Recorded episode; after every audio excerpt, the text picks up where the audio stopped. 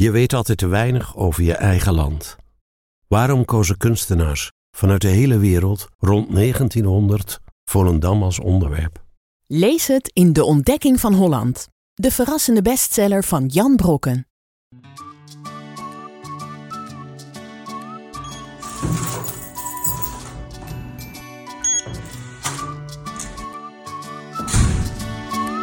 Zo, de helm af, fiets gestald, weer binnen op de uitgeverij, een hoofd vol zorgen. En dan slinger je zo op je niet-elektrische fiets door dat Amsterdam en dan zie je al die toeristen en die jonge mensen lachen en op bankjes zitten. Zou die nou ook denken aan wat er op het ogenblik speelt in de wereld of maken ze lekker plezier? Mijn naam is Simon Dikker-Hupkes en welkom terug bij Van Dis Ongefilterd met Adriaan van Dis, live opgenomen in het tuinhuis van uitgeverij Atlas Contact. En welkom ook de vele nieuwe luisteraars van deze prachtige podcast. Alle mensen die zijn komen luisteren naar Adriaans optreden bij Sophie. Adriaan, dat was nog op vrijdagavond. Zaterdagochtend werden we wakker en toen zaten we weer met z'n allen in ons, met ons hoofd in het, in het Midden-Oosten. Ja. Wat houdt ja. jou bezig? Nou, het houdt me inderdaad meer bezig dan ooit. Het eerste wat ik deed was kijken naar Haaretz, een Engelstalige krant. Of de, de, dat is een Israëlische krant, een liberale krant. Die zit in de oppositie, maar er is een Engelstalige editie van. Ja. Kun je gratis downloaden voor een maand. Met wel veel rare advertenties ertussen. Want ik heb de hele tijd advertenties van BH's. Interessant. Maar dat tussen de moordpartijen door. Maar goed. Ehm, waarom interesseert het me zo? Want ik was natuurlijk erg geïnteresseerd in het taalgebruik. Zeg je nou de oorlog in Israël en Gaza? Of zeg je alleen de oorlog in Israël? Zeg je terroristen of zeg je fighters? En dan valt het me op dat uh, Haaretz een ja, wonderlijk neutraal taalgebruik eigenlijk heeft. Ze hebben het over de Hamas fighters en de Hamas fanatics. Heel interessante artikelen over uh, is Israël wel of niet een apartheidsstaat. Daar ga ik me nou helemaal niet over uitlaten. Maar je vond dat een interessante sta, observatie. Dat, dat zijn zeer. Ja, kijk, ja. ik, heb, ik behoor tot die generatie jongeren die enorm voor Israël is. En nog steeds sta ik vierkant achter de staat Israël, maar ik sta niet vierkant achter de politiek van de staat Israël. Ja, belangrijk onderscheid. Maar dan moet je je ook verplaatsen in die jonge mensen die na de oorlog worden opgevoed met het verhaal van Anne Frank. Met die verhalen over de moord op die 6 miljoen Joden. En hoe Nederland ja, uh, vele, vele Joden heeft laten afvoeren door de andere kant op te kijken. Uh, eh, hoeveel? 140.000 Joden hebben we laten afvoeren. En slechts 5.450 keer terug. En 8.000 uit de onderduik. Dat heeft ons beeld gevormd. We geloofden in Israël, socialistische staat, Golda Meir, Ben Gurion, mensen die geen. Ben Gurion droeg geen das, maar een open overhemd. En toen vond die grote oorlog, een zesdaagse oorlog in 1967. Dat herinner ik me nog als de dag van gisteren. Zesdaagse oorlog werd dat genoemd door Moshe Dayan, een minister van oorlog met een ooglapje. Uh, ja, een soort heilige piraat, zo zag hij eruit. En hij gebruikte het woord zesdaagse niet voor niets. Dat was, een, dat was verbond meteen in de Genesis. In zes dagen werd er een nieuw Israël geschapen. Wat deed ik? Ik woonde toen nog in Hilversum. Bloed geven voor Israël. En ik niet alleen. De hele klas. Wij gaven bloed voor Israël. En twee jaar later ben ik naar Israël gegaan. Heb ik in een kibbutz gewerkt. Je bent een van die mensen van van de generatie van toen die echt in de kibbutz heeft gewerkt. Ja, en ja. niet alleen dat. Ik ben er een hele tijd ja. geweest. En ik wilde natuurlijk naar zo'n chique kibbutz waar ik had over gehoord met zeilboten, meren en luxe. En ik kwam ongelukkiger, maar uiteindelijk misschien gelukkigerwijs terecht in een hele arme kibbutz met Poolse Joden. En wat doe je eigenlijk in zo'n kibbutz? Nou ja, kijk, ik werkte in een, fabriek van piepschuim. in een fabriek? Ja, piepschuimfabriek waar we reddingsboeien maakten. Toch heel erg symbolisch, reddingsboeien in dat land. En ik moest aardappels rooien, s'morgens om vijf uur op, op de tractor. En dan ergens in de brandende velden, brandend van de zon. Het was de Ein Carmel, heette die kibbutz, gelegen onder aan de voet van de Ein Carmelberg waar een kunstenaarskolonie was, maar daar had ik allemaal geen flauw benul van, niet ver van Haifa. het wonderlijke was, ik zag voor het eerst oude, beschadigde mensen met wie ik aan de uh, s morgens aan tafel zat. En die spraken Jiddisch. En ik was er met volunteers uit de Verenigde Staten. En die konden ze niet verstaan. En ik kon dat Jiddisch een heel klein beetje verstaan. Het lijkt op Duits. En het Amsterdam zit vol met die Jiddische Waarom, woorden. waarom kon je dat verstaan? Pikte je dat ter plekke op? Nou, omdat ik dat weet al- dat een ponem een gezicht is. En ik weet dat ja, de, je handen is. Ja, precies. en ik weet wat een geinponem is. Eh, en ik weet wat mesjoche is. Dus allerlei woorden pikte ik op. Maar dat heeft een geweldige indruk op me gemaakt. Maar ook als je werkt als volunteer, dan, dat heette zo, vrijwilliger, dan mocht je ook reisjes maken. Dus na twee weken kreeg je een paar dagen vrij. Nou, dan ging je de straat op, de weg op, je stak je duim op en dan werd je meegenomen. Dus ik heb dat hele land bereisd. Veel gezien. Ik ben ook op de Golanhoogte geweest. Dat was het bezette gebied. Dan ga je naar Kuneitra. Dat ligt maar een paar kilometer van Damascus. De trots dat Israël dat gebied had bezet en ingenomen. De jeeps die je zag, de opgeblazen tanks. Ja, En jij voelde je ook geen seconde onveilig op dat moment? Oh nee, maar dat, ja, maar ik, dat is een, ik heb iets, een heel vreemd iets met angst. Ik ben bang en tegelijkertijd doe ik altijd een stap naar voren en dan zien we wel. Dat kan dat niet goed. Nee, maar ik ben dan ook meer op zoek naar van vergeleken met nu. Zou je Nee, niet ja, snel naar die gebieden zomaar Nee, nu gaan? nee, maar eh, wa- wat de wereld was toen nog, ik zou bijna zeggen, heel erg wit. We dachten aan Israël, we dachten aan Europa en we dachten helemaal niet aan dat er andere mensen woonden, dat die terzijde zijn geschoven, dat uit het, uit het schuldige Europa uiteindelijk heeft geholpen de staat Israël te helpen vestigen. Er was natuurlijk altijd al lang een, een verlangen naar terugkeer naar het beloofde land, maar toen werd dat mogelijk gemaakt. Dat besef en de, de twijfels over, over de juistheid van die geschiedenis, dat is pas later tot ons, tot ons doorgedrongen. En wanneer is dat bij jou begonnen? Die, dat je blik daarover veel, is? het was veel later. Toen wilde ik heel erg bij, bij Israël. Ik zal, ik zal nooit vergeten, ik was in het plaatsje Sfaat. Dat is een, een centrum van, van, van, van, van religie in Israël. En daar ben ik toen gezegend door een blinde rabbijn. Ik was daar heel trots op. Want ik wilde op een, een of andere rare manier bij dat, bij dat Israël horen. Je wilde horen bij een volk dat werkelijk geleden had. En het was ook een oorlog die beter bespreekbaar was dan de oorlog waar ik uit kwam, voortkwam. Namelijk in de kolonie Nederlands-Indië. Een verloren oorlog. Een oorlog ja, omkleed met schaamte. Want dat, men was toch, en dat besef leefde wel degelijk, behoorde bij het behouden van iets dat niet vast te houden was. Namelijk eh, een vrij Indonesië. Dat werd ook tegengehouden door mensen als mijn vader en mijn moeders eerste man, die soldaten waren van het Koninklijk Nederlands-Indisch leger. Dit was een, een volk dat werkelijk geleden had. De getallen waren ook niet te vergelijken met de getallen die wij thuis koesterden, tussen aanhalingstekens, van wat wij ook erg geleden hadden in de oorlog. Maar er was geen cyclone B in de Japanse interneringskampen. Dus Adriaan, je had eigenlijk twee soort van collectieve schulden. En die En je er was, ook, persoonlijk in er te was lossen. toen al een heimelijke leedconcurrentie, wat nog steeds een rol speelt. Eh, nee, nu, nu verdiep ik me erin, ik lees. Maar ik dacht, ik ga toch eens kijken hoe de dichters hier weer over gesproken hebben. Want ik herinner me nog een optreden van Israëlische dichters die op Poetry International kwamen. Eh, en, ik vond een gedicht van een dichter. Van, hoe schrijf je over oorlog? Toen vond ik de dichter Afner Treinin. En dat is een, een, een chemicus en hij, eh, vooraanstaand man, maar hij is beroemd om zijn licht pessimistische, ironische gedichten. En ik ga er één voorlezen, want zo'n gedicht zegt je veel meer dan een politiek commentaar in een krant of een uitzending van CNN. Ik lees een gedicht van Afner Treinin en dat is vertaald door Shulamit Bamberger. Hoe is de toestand?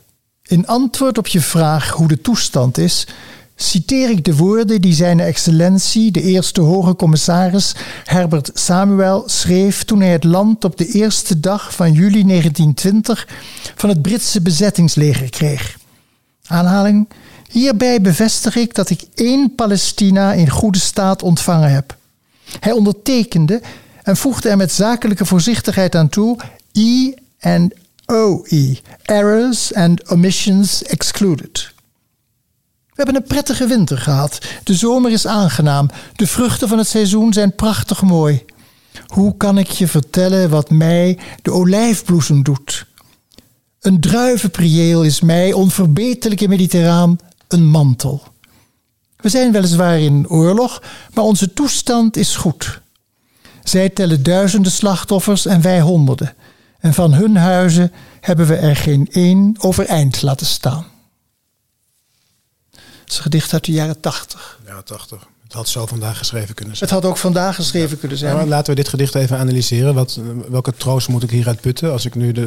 Nou, niet de troost de- dat er in Israël natuurlijk genoeg tegenstem is, genoeg twijfel is over het feit dat er duizenden slachtoffers zijn aan één kant en honderden aan de andere kant. Alleen nu is dat plotseling omgedraaid door die vreselijke moord eh, op die kibbutz waar dat festival was, Ja. dat rave festival. En dat ging dan nog over de parallel universe. Nou, dat was ook een parallel universum. Dat was notabene een, een soort festival voor de vrede. Ja. En dan zie je in de getallen van doden wordt telkens gezegd meer Joden gedood.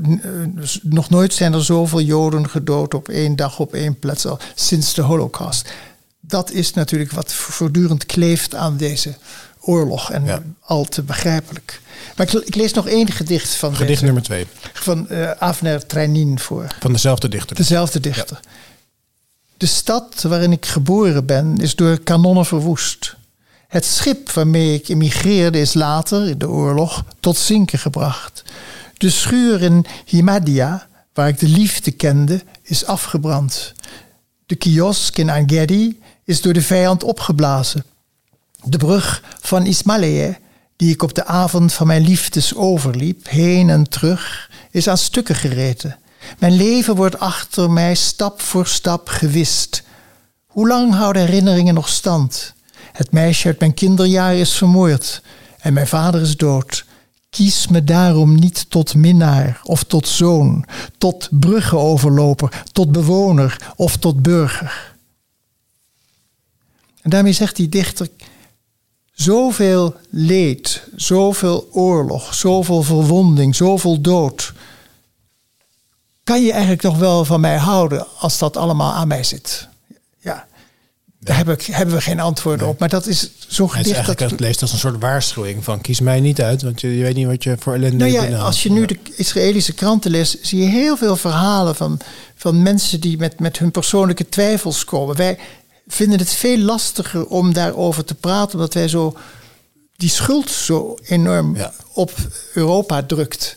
Dus, dus, dus in Nederland wordt er nu erg ge- geruzied over wat meneer Wilders gezegd heeft. En dat die mevrouw Kaag, die met een Palestijn getrouwd is, besmeurt. Of een stad wel of niet een vlag moet ophangen van Israël of van de Palestijnen. We maken het toch weer kleiner. We maken het toch weer kleiner, terwijl je in aflevering 1 had gezegd, zullen we het proberen De wereld groter te maken. En ja, lees eens hoe kritisch men in het land zelf is. En natuurlijk ook hoe gruwelijk die mensen geraakt zijn. Want Ja. dan komt het wel heel dichtbij. Ja, en dan kan het onderscheid maken tussen de staat en de huidige regering. Ja, toen, la- toen las ik nog Ja. één gedicht.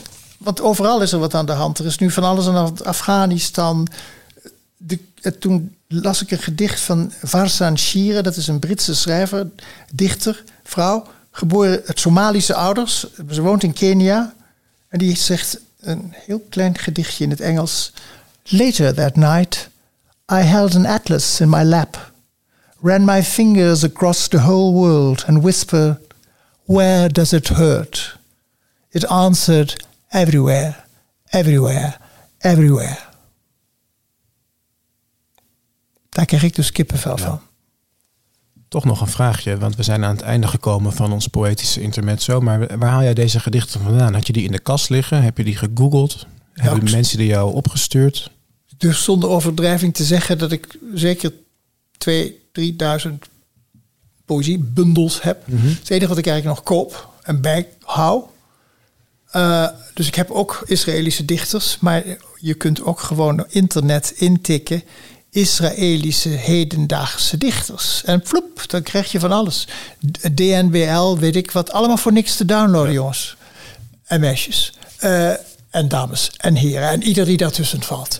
Het is allemaal te krijgen op de grote wereld van het internet. Nou, en over de internetwereld gesproken, mag ik even iets rechts zetten? Je wilt iets rechtzetten? Rechten, ja. Een Ik heb, rectificatie? ja, ik heb een fout gemaakt. Weliswaar een fout met bronnen, maar die bronnen kloppen niet. Ik heb gezegd, ook laatstelijk op de televisie, maar ook al een keer hier, dat in het jaar 2050 de helft van de Europeanen van kleur zal zijn. Dat klopt niet. Het zal zijn 25 procent. Dit ter geruststelling van de liefhebbers van Forum voor Democratie. Het gaat wat langzamer dan ik dacht. Maar wat is natuurlijk het interessante over die kleur? Wie is van kleur? Wat is van kleur? Is een Turk, is een Syriër van kleur. Hier wil men op het ogenblik in dat, dat, dat debat eigenlijk allemaal willen mensen liever zich aansluiten bij het overdrachtelijk gebruik van kleur. Ja. Uh, maar dus dan is iedereen van kleur die niet wit is. Ja, En, en, maar wat je nou ziet in de Verenigde Staten is dat een heleboel mensen die na een paar generaties uiteindelijk zich aansluiten bij het beige mainstream. En er zijn zelfs een heleboel mensen van lichte kleur die fel achter Trump staan. Want die denken, ja, nu gaan de deuren dicht, wij zijn binnen en jullie blijven buiten. Latino's voor Trump. Ja, dus het is een. Het is, maar waar het op neerkomt, is natuurlijk dat de witte meerderheid zal halverwege oplossen in een smeltkroes van migratie. maar dan krijgen we dus een, een, soort beige meerderheid. Ja, wat het wel betekent is dat we steeds meer worden geconfronteerd met, met andere mentaliteiten, met andere godsdiensten, andere ideeën over geschiedenis, andere sentimenten, andere oorlogsherinneringen, andere ideeën over schoonheid en beschaving. En daar zullen we aan moeten wennen. Dus daarom ook open je hoofd en open je boekenkast en probeer eens iets te lezen over de ander. En geldt dat dan ook misschien, om toch nog even terug te keren naar het, naar het onderwerp van deze week voor de kwestie Israël-Palestina? Dat we misschien door de. Uh, ik had natuurlijk ook kunnen andere... doen Palestijnse dichters. Ja, ik en wou net zeggen. Goed, ja, en Hoeveel Palestijnse dichters nou, heb je nagaan hoezeer ik ook door deze ben van mijn Israël-attitude. Want ben ik dus helemaal niet eens opgekomen. Ja, nee. En dan ga ik dus volgende keer zal ik zoeken naar Palestijnse dichters. Ja, kritische Palestijnse dichters. Of misschien zijn ze wel vol lyriek. Ja.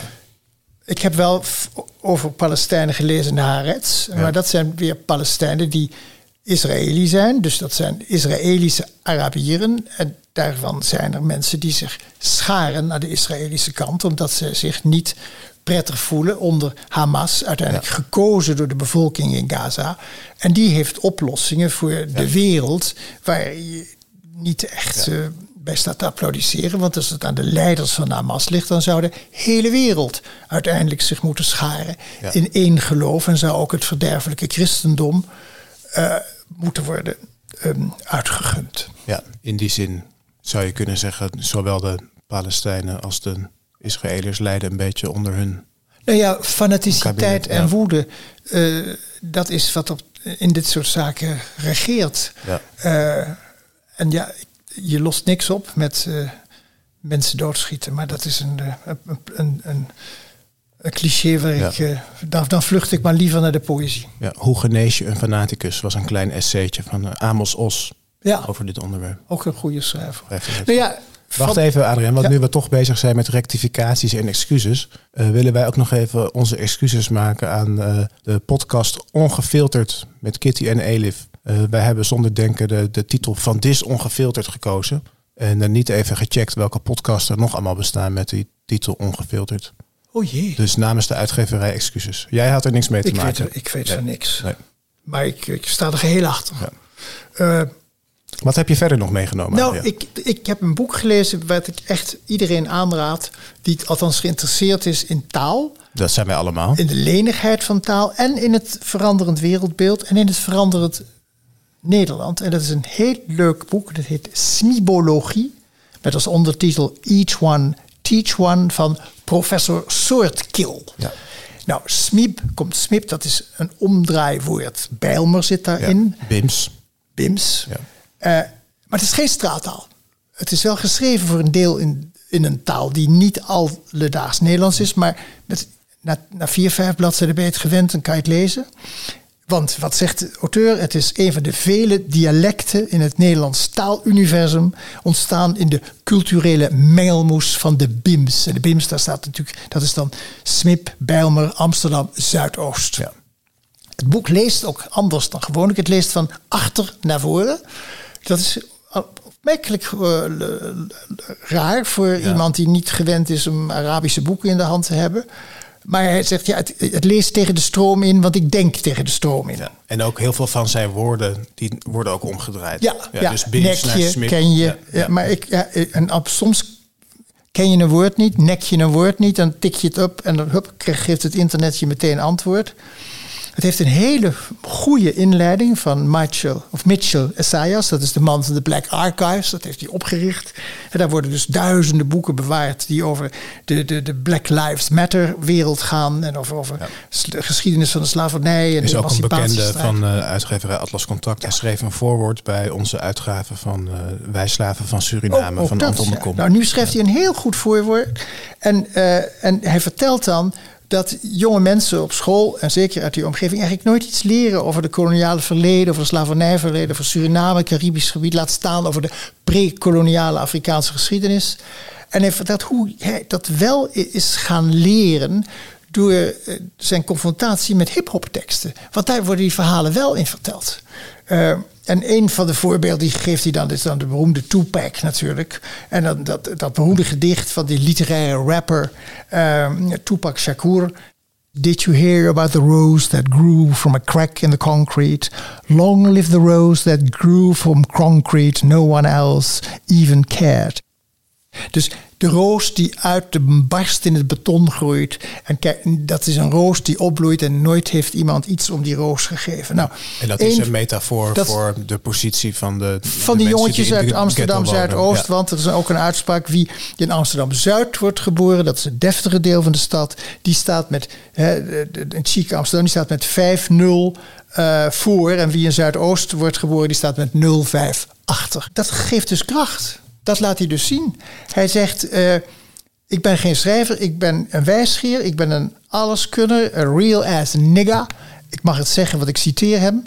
Uh, en zo ziet hij zichzelf. Ik kan veranderen in alles waarin ik wil veranderen. Nek je die? Ken je die? En dan geeft hij een fantastisch verhaal dat je als zwart persoon opgroeiend daar in die omgeving met al die achterstand, vaak vaders zijn er niet, moeders die, die gezinnen bijeen moeten houden, weinig geld, en zeggen je moet je niet overgeven aan negativity.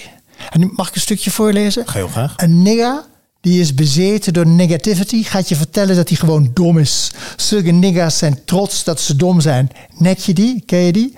Of ze gaan je zeggen dat ze al hun money blowen. Wanneer ze money maken, moeten ze het blowen. Zulke mensen leven zonder idee. Helemaal bezeten door de indoctrinatie van de witman.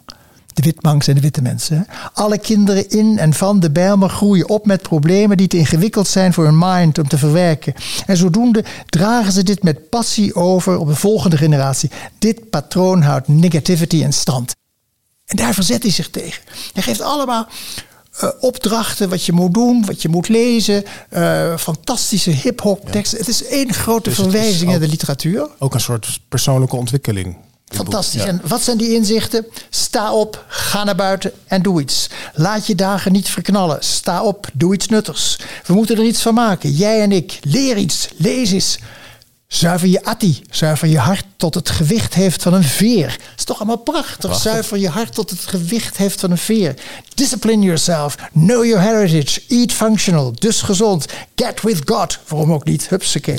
nou ja, uh, de hele flikkerse boel staat erin, vol positiviteit. Ik heb het echt met groot ja. plezier gelezen. En het mooie is, als je zo'n boek leest, dan maak je een kopreis. En dat is natuurlijk wat jij ons in de vorige aflevering had gezegd. Van ga er eens op uit. Maak een, reis, in je eigen hoofd. land. In je eigen land, ja. En dat vindt allemaal maar plaats terwijl je misschien thuis ja. liever in je kleine witte veilige wereldje of wat voor misschien die veilige zwarte wereldje. Jongens, we moeten er samen uitkomen. Dit boek helpt je ja. daarbij. Prachtig. Ja, voor de lezers van NRC is dit natuurlijk niet onbekend, want dit had hij, uh, heeft hij zijn column. Hij heeft een column met NRC ja. gehad, er zijn interviews met hem verschenen, maar dit is het boek. Dit is het boek. Ik vond het een feestelijk boek om te lezen. Nou, ik ben er ontzettend benieuwd naar. En uh, nu we het toch over boeken hebben, dit boek komt ook voor in onze uitgave Amsterdam in bijna 80 boeken. En dat zijn boeken vanaf Vondel tot vandaag de dag. Ga je nou reclame zitten ik maken? Ik ga toch stiekem een klein beetje reclame maken. Maar niet alleen maar omdat we er geld aan verdienen. Maar ook omdat het een geweldig boek is. Om inderdaad, zoals jij zegt, een reis te maken. Ja. En dan maak je dus een reis door de hoofdstad en ook door de eeuwen heen. Er kan niet genoeg gereisd worden. Dan wou ik een nieuwe rubriek antameren. Mag dat Een nieuwe rubriek? Ik dacht dat wij hier het format uh, oh, hadden bepaald. Nou, voor deze keer. Knipsels. Knipsels. Ik behoor nog tot het zeldzame uh, volkje dat knipt. Ja, nee, de vorige keer had je inderdaad een stukje uit de New York Times. Ja, ik heb nu weer iets uit de New York Times. Maar er is een groot onderzoek gedaan Ja? Een medisch onderzoek naar de lichamelijke gevolgen van multitasken. Van mensen die en gamen en een telefoon hebben. En de hele dag boven een computer hangen. De hele dag op de smartphone zitten. En een smartphone. Ja. In 2004 was de gemiddelde concentratiespanne 2,5 minuut. In 2012 is de gemiddelde concentratiespanne 75 seconden. En nu 47 seconden. 47 seconden. Ze hebben die mensen de bloeddruk gemeten, bloed En afgetapt. dus wacht, wat betekent dat? Dat je na 47 seconden heb je eigenlijk je aandacht er niet Dan meer bij. dan- en ga je dan- dan moet je- dan moet je iets anders naast Moet je een nieuwe prikkel hebben om weer even... ja.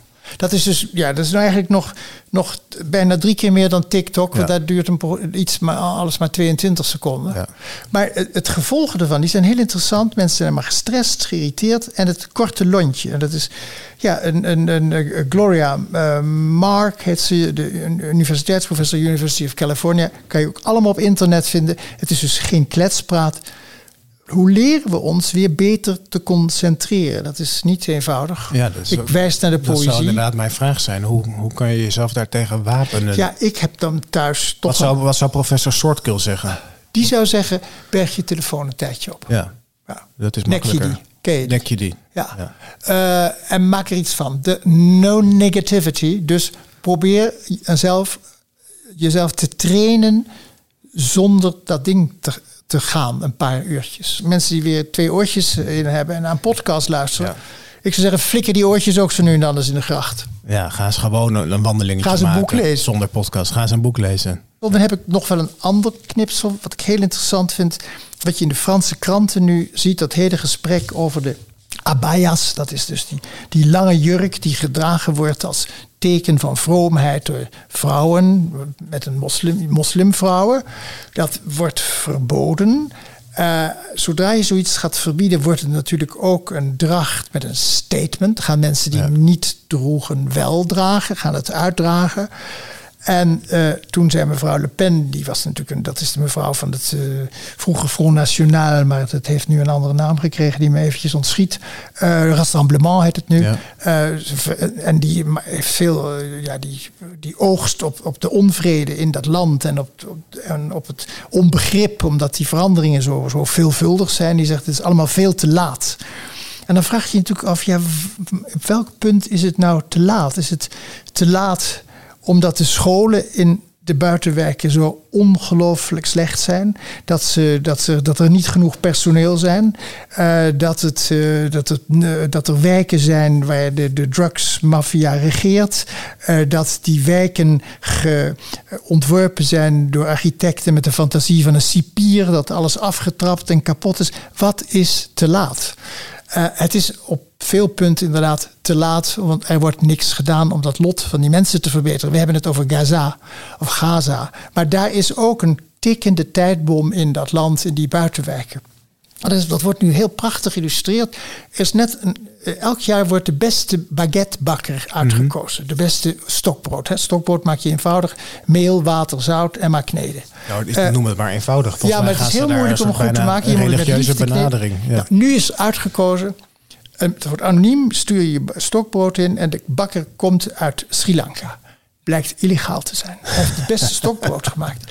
Het, eh, het wordt door een team van proevers die allemaal de, het, het, het, het kraak van het brood testen. En als je dat wint, dan mag je een jaar lang brood leveren aan de president aan het Elysée. Die 54 broden. Ik, weet niet of hij het alleen opkrijgt, maar in ieder geval, die Dus worden dan dag bezorgd. worden deze nu door deze Ja. illegale immigrant... Maar het normaal krijgt dan de winnaar, die mag op de foto met de president, die wordt ontvangen door de president, niet uitgenodigd.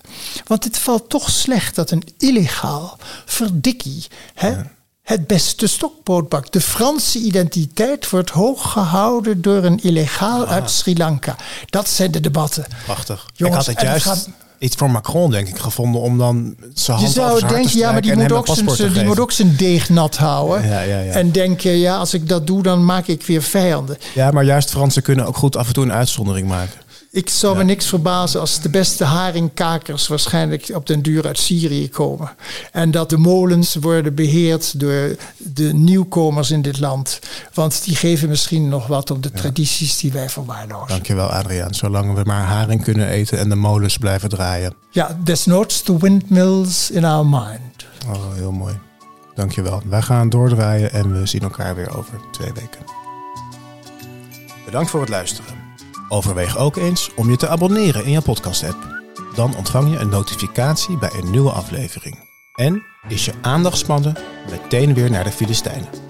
De genoemde boeken zijn te vinden op boekenwereld.com schuine streep van streepje dis. Van Dis Ongefilterd is een podcast van uitgeverij Atlas Contact. Presentatie Simon Dikker-Hupkes. Redactie, productie en montage Ellen van Dalsem, Bartje Ronkiers en Erik Bransen.